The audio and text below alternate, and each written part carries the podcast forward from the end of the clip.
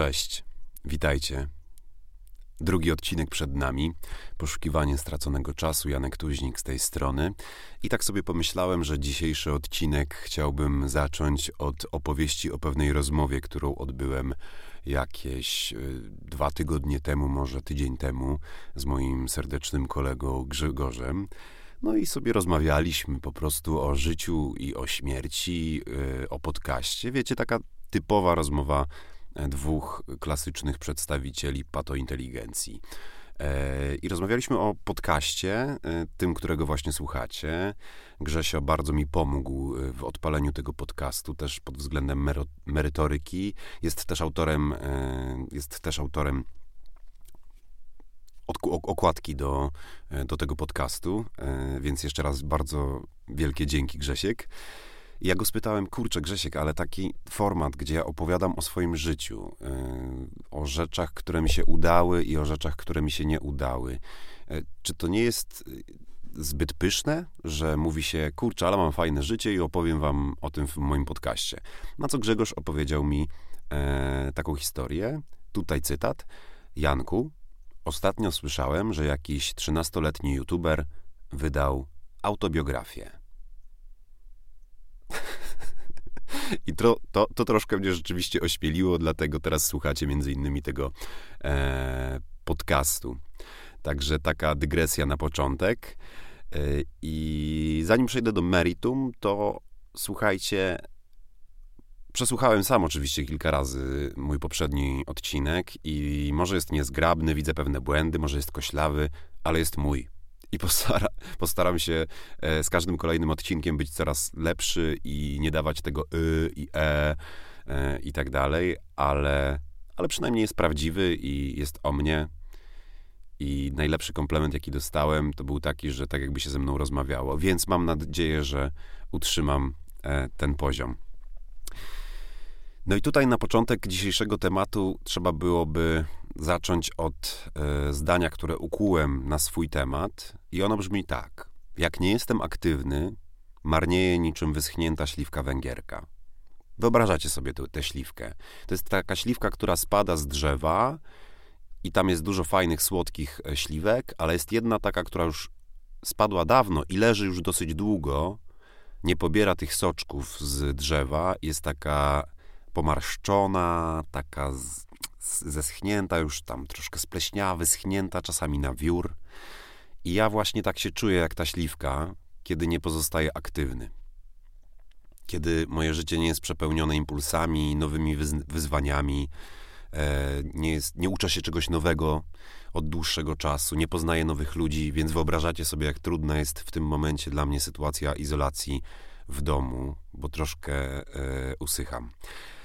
I chciałbym Wam opowiedzieć o jesieni chyba zeszłego roku, czy to było dwa lata temu, nieistotne.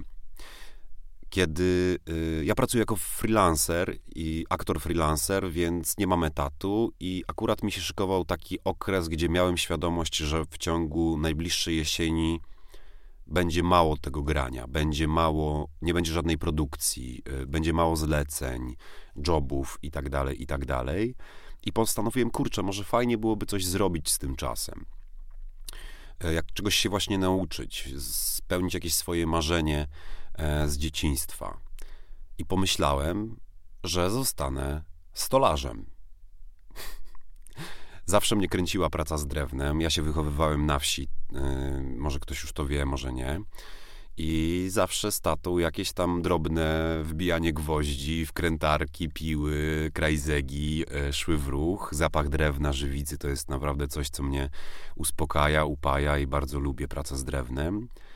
E, I zanim wam opowiem, jak zostałem tym stolarzem, a raczej jak nie zostałem, to jeszcze mi się przypomniała teraz taka historia, anegdota, że jak byłem takim małym jasiem, e, to chodziłem z tatą i wybijać gwoździe do warsztatu i miałem taki drewniany młotek.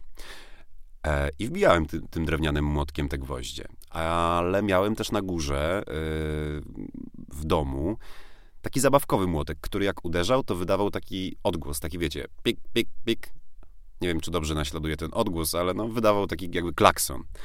I bardzo często moją siostrę Asię nawalałem tym młotkiem, a kiedyś mi się pomyliły młotki i miałem akurat na górze ten drewniany młotek, no i wiecie, jak to się skończyło. Możecie się w każdym razie do, domyślać. E, siostra do dzisiaj mi to wypomina. Także tak. No ale do meritum. No więc pomyślałem, że chciałbym zostać stolarzem i znaleźć jakąś fajną stolarnię. Nie chciałem iść do jakiegoś dużego zakładu, gdzie byłbym jednym, ta, jedną tam z mróweczek, które sobie zasuwają. Ym, tylko chciałem znaleźć małą stolarnię, gdzie pracuje jeden stolarz mistrz e, i ewentualnie jego jeden pracownik, i taką też znalazłem. I ważne było dla mnie też to, żeby ta stolarnia przede wszystkim pracowała w drewnie, a nie na płycie MDF, ponieważ nie wiem, czy wiecie, może wiecie, może nie. Większość stolarni w dzisiejszych czasach to nie są stolarze, tylko to są montażyści yy, płyty MDF. Tak, to płyta MDF to jest to, z czego są meble w IKEA zrobione, czyli taka zbita płyta zalaminowana, wiórowa.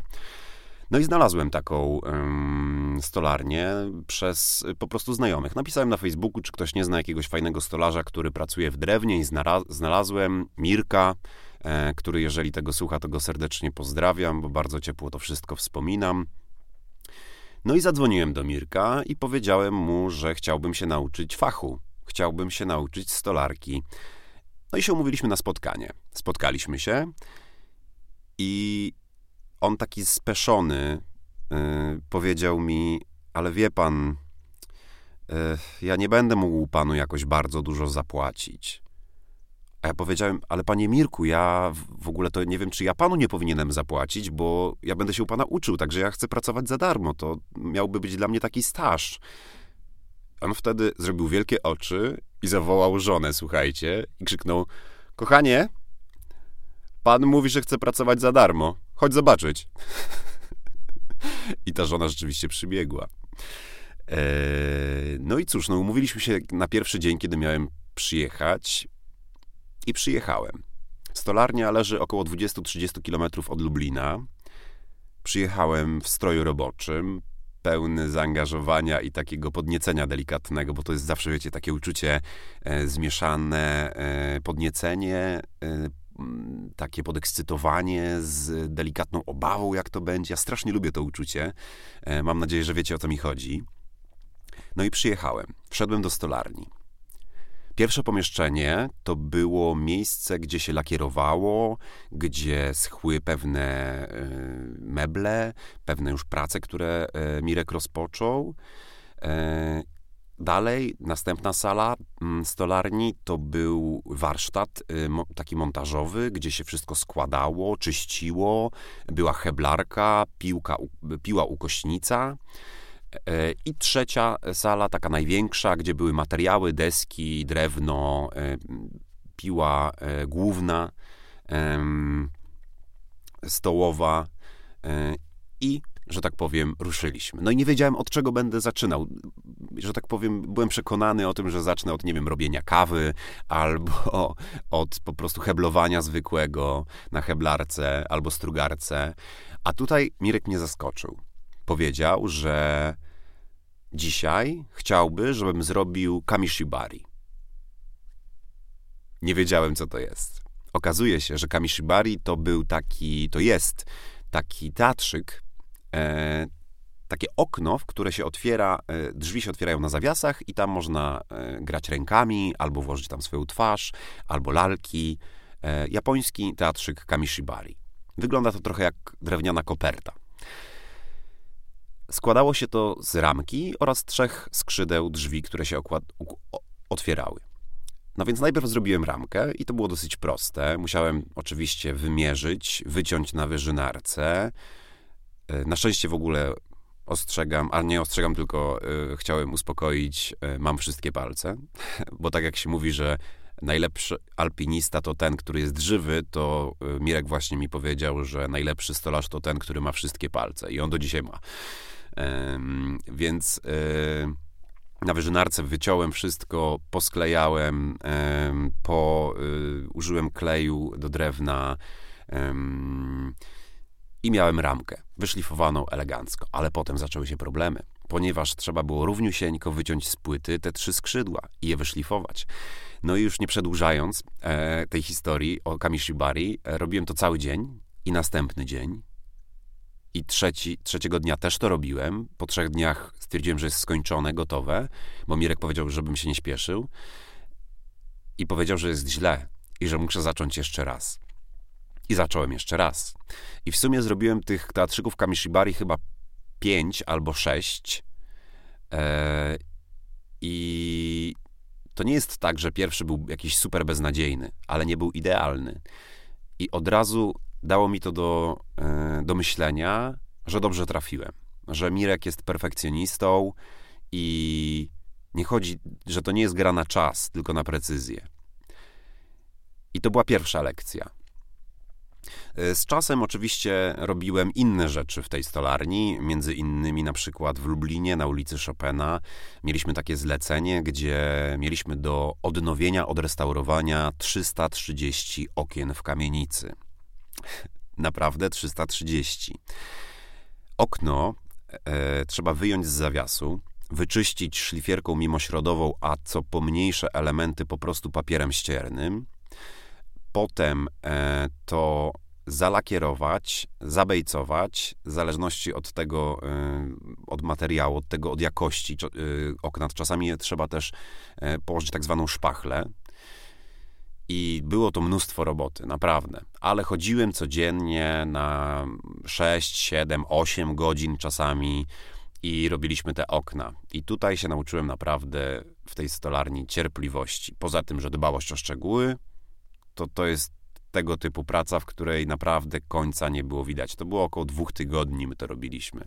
E, robiliśmy to w czwórkę, także to nie tak, że w dwa tygodnie sam zrobiłem 330 okien, absolutnie nie. Robiliśmy to w czwórkę. Mirek, jego żona, jego pracownik i właśnie ja.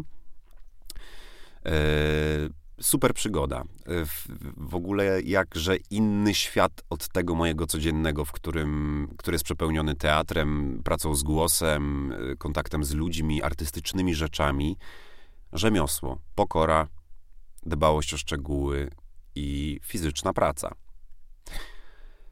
Z takich ciekawszych historii to jeszcze chciałbym wam opowiedzieć, jak pojechaliśmy do Sandomierza. Specjalnie na zamówienie ktoś tam zamówił u Mirka mm, taką biblioteczkę. Otwierała się nowa restauracja w takim małym dworku w Sandomierzu e, i taką specjalną biblioteczkę na całą ścianę w kolorze takim ciemnogranatowym, bardzo ładnym. I my mieliśmy przygotowane rzeczy w stolarni, zabraliśmy je na busa, pojechaliśmy do Sandomierza, potem cały dzień to montowaliśmy i wróciliśmy późno, późno, późno w nocy. Oczywiście po drodze tam się przy, przydarzały różne e, problemy. Nagle coś nie pasuje milimetr. Wiecie, jak to, to jest tak, że jak na dole coś nie pasuje milimetr, to na górze może nie pasować 7 mm albo i 2 cm. Więc precyzja jest w tym zawodzie bardzo, bardzo ważna ale oczywiście da się to jakoś skorygować. Y, ja oczywiście nie wiedziałbym jak, ale Mirek naprawdę mogę powiedzieć, że jest mistrzem. Jest mistrzem stolarstwa, po prostu. I zjadł na tym zęby. I są tacy ludzie, mistrzowie w, naszych, w naszym życiu. Ja mam kilka takich osób, które mogę nazywać moimi mistrzami. I na pewno jeszcze Wam o nich opowiem, ponieważ yy, trzeba mówić o swoich mistrzach, o swoich autorytetach, Chociaż mam czasami wrażenie, że w dzisiejszych czasach ludzie troszkę zatracili taką potrzebę posiadania autorytetów, mistrzów. E, wszyscy wiedzą wszystko najlepiej, jak zrobić, i takimi autorytetami są tylko celebryci. No, ale to może jedna taka gorzka moja refleksja. Oczywiście nikt się nie musi z tym zgadzać, to tylko e, moja opinia i ja mówię o, o niej dlatego, że to jest mój podcast. No ale wracając do, do tej biblioteczki, wszystko zrobiliśmy pięknie, bardzo byli wszyscy zadowoleni i wróciliśmy na stolarnię. I tak pracowałem w sumie trzy miesiące. Jeździłem tam co rano. Popołudniami oczywiście zdarzały mi się jakieś spektakle, różne rzeczy. I nauczyło mnie to poza tym, że cierpliwość, poza tym, że dbałość o szczegóły i precyzja, e, poza tym, że e, jest to jakieś szlachetne, takie, że na przykład na przykładzie tych okien pierwszego dnia nie mogłem sobie wyobrazić końca. bo sam zrobiłem dwa, trzy okna w ciągu kilku godzin, siedmiu, ośmiu godzin, więc zostało, gdybym robił je sam, to zostałoby mi jeszcze 327. Ale na szczęście nie robiłem ich sam. Oni, tutaj cała ekipa była dużo bardziej doświadczona, robiła po więcej e, okien i Mirek też był dla mnie bardzo wyrozumiały, bo wiedział, że się uczę. Ostatecznie chciał mi zapłacić, ale ja nie chciałem przyjąć tych pieniędzy, więc umówiliśmy się po prostu, że za te trzy miesiące pracy dostanę od niego starą piłę ukośnicę. To jest taka piła stołowa, gdzie można ustawiać kąty cięcia. Bardzo fajna, podręczna, e, ale też można przecinać dosyć grube deski taką piłą i do dzisiaj mam tę piłę, ona działa i czasami z niej korzystam. I to jest taki super suwenir po tej przygodzie. Po trzech miesiącach musiałem już zrezygnować z tej stolarni, ponieważ normalne moje obowiązki e, mnie wezwały, czyli teatr, czyli jakieś warsztaty teatralne, pewne już zlecenia takie komercyjne. Ale yy, kurczę, było to coś niezwykłego. Było to coś niezwykłego.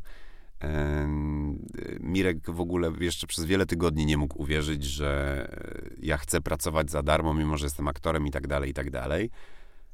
Ale mi to było potrzebne. Wypełniłem sobie wtedy czas po brzegi, pozwoliłem e, sobie na naukę czegoś nowego i kurczę, no naprawdę było ekstra. Naprawdę było ekstra. Dobra, e, koniec, tyle, tyle o stolarni. Nie, nie, w każdym razie nie zostałem stolarzem, bo znowu patrzę, że jest bardzo dużo, du, dużo już to nagrywam. Długo to nagrywam. E, koniec o stolarni. E, nie zostałem stolarzem. Używam z tych umiejętności raz na jakiś czas. A na koniec dzisiejszego odcinka oczywiście mam dla Was cytat, którego nie chcę tłumaczyć, dlaczego go wybrałem, ponieważ na pewno sami zrozumiecie dlaczego. W kontekście oczywiście mojego podcastu.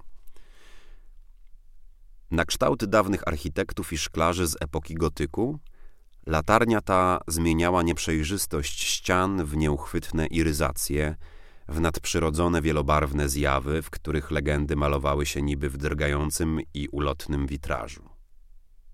Kropka. Oczywiście był to Marcel Proust w poszukiwaniu straconego czasu ze, z tomu w stronę Słana. No i cóż, kochani, tym samym doszliśmy do końca drugiego odcinka podcastu Poszukiwanie straconego czasu. Mam nadzieję, że Wam się podobało. I oczywiście zapraszam na kolejny odcinek, o ile znajdziecie odrobinę czasu. Cześć!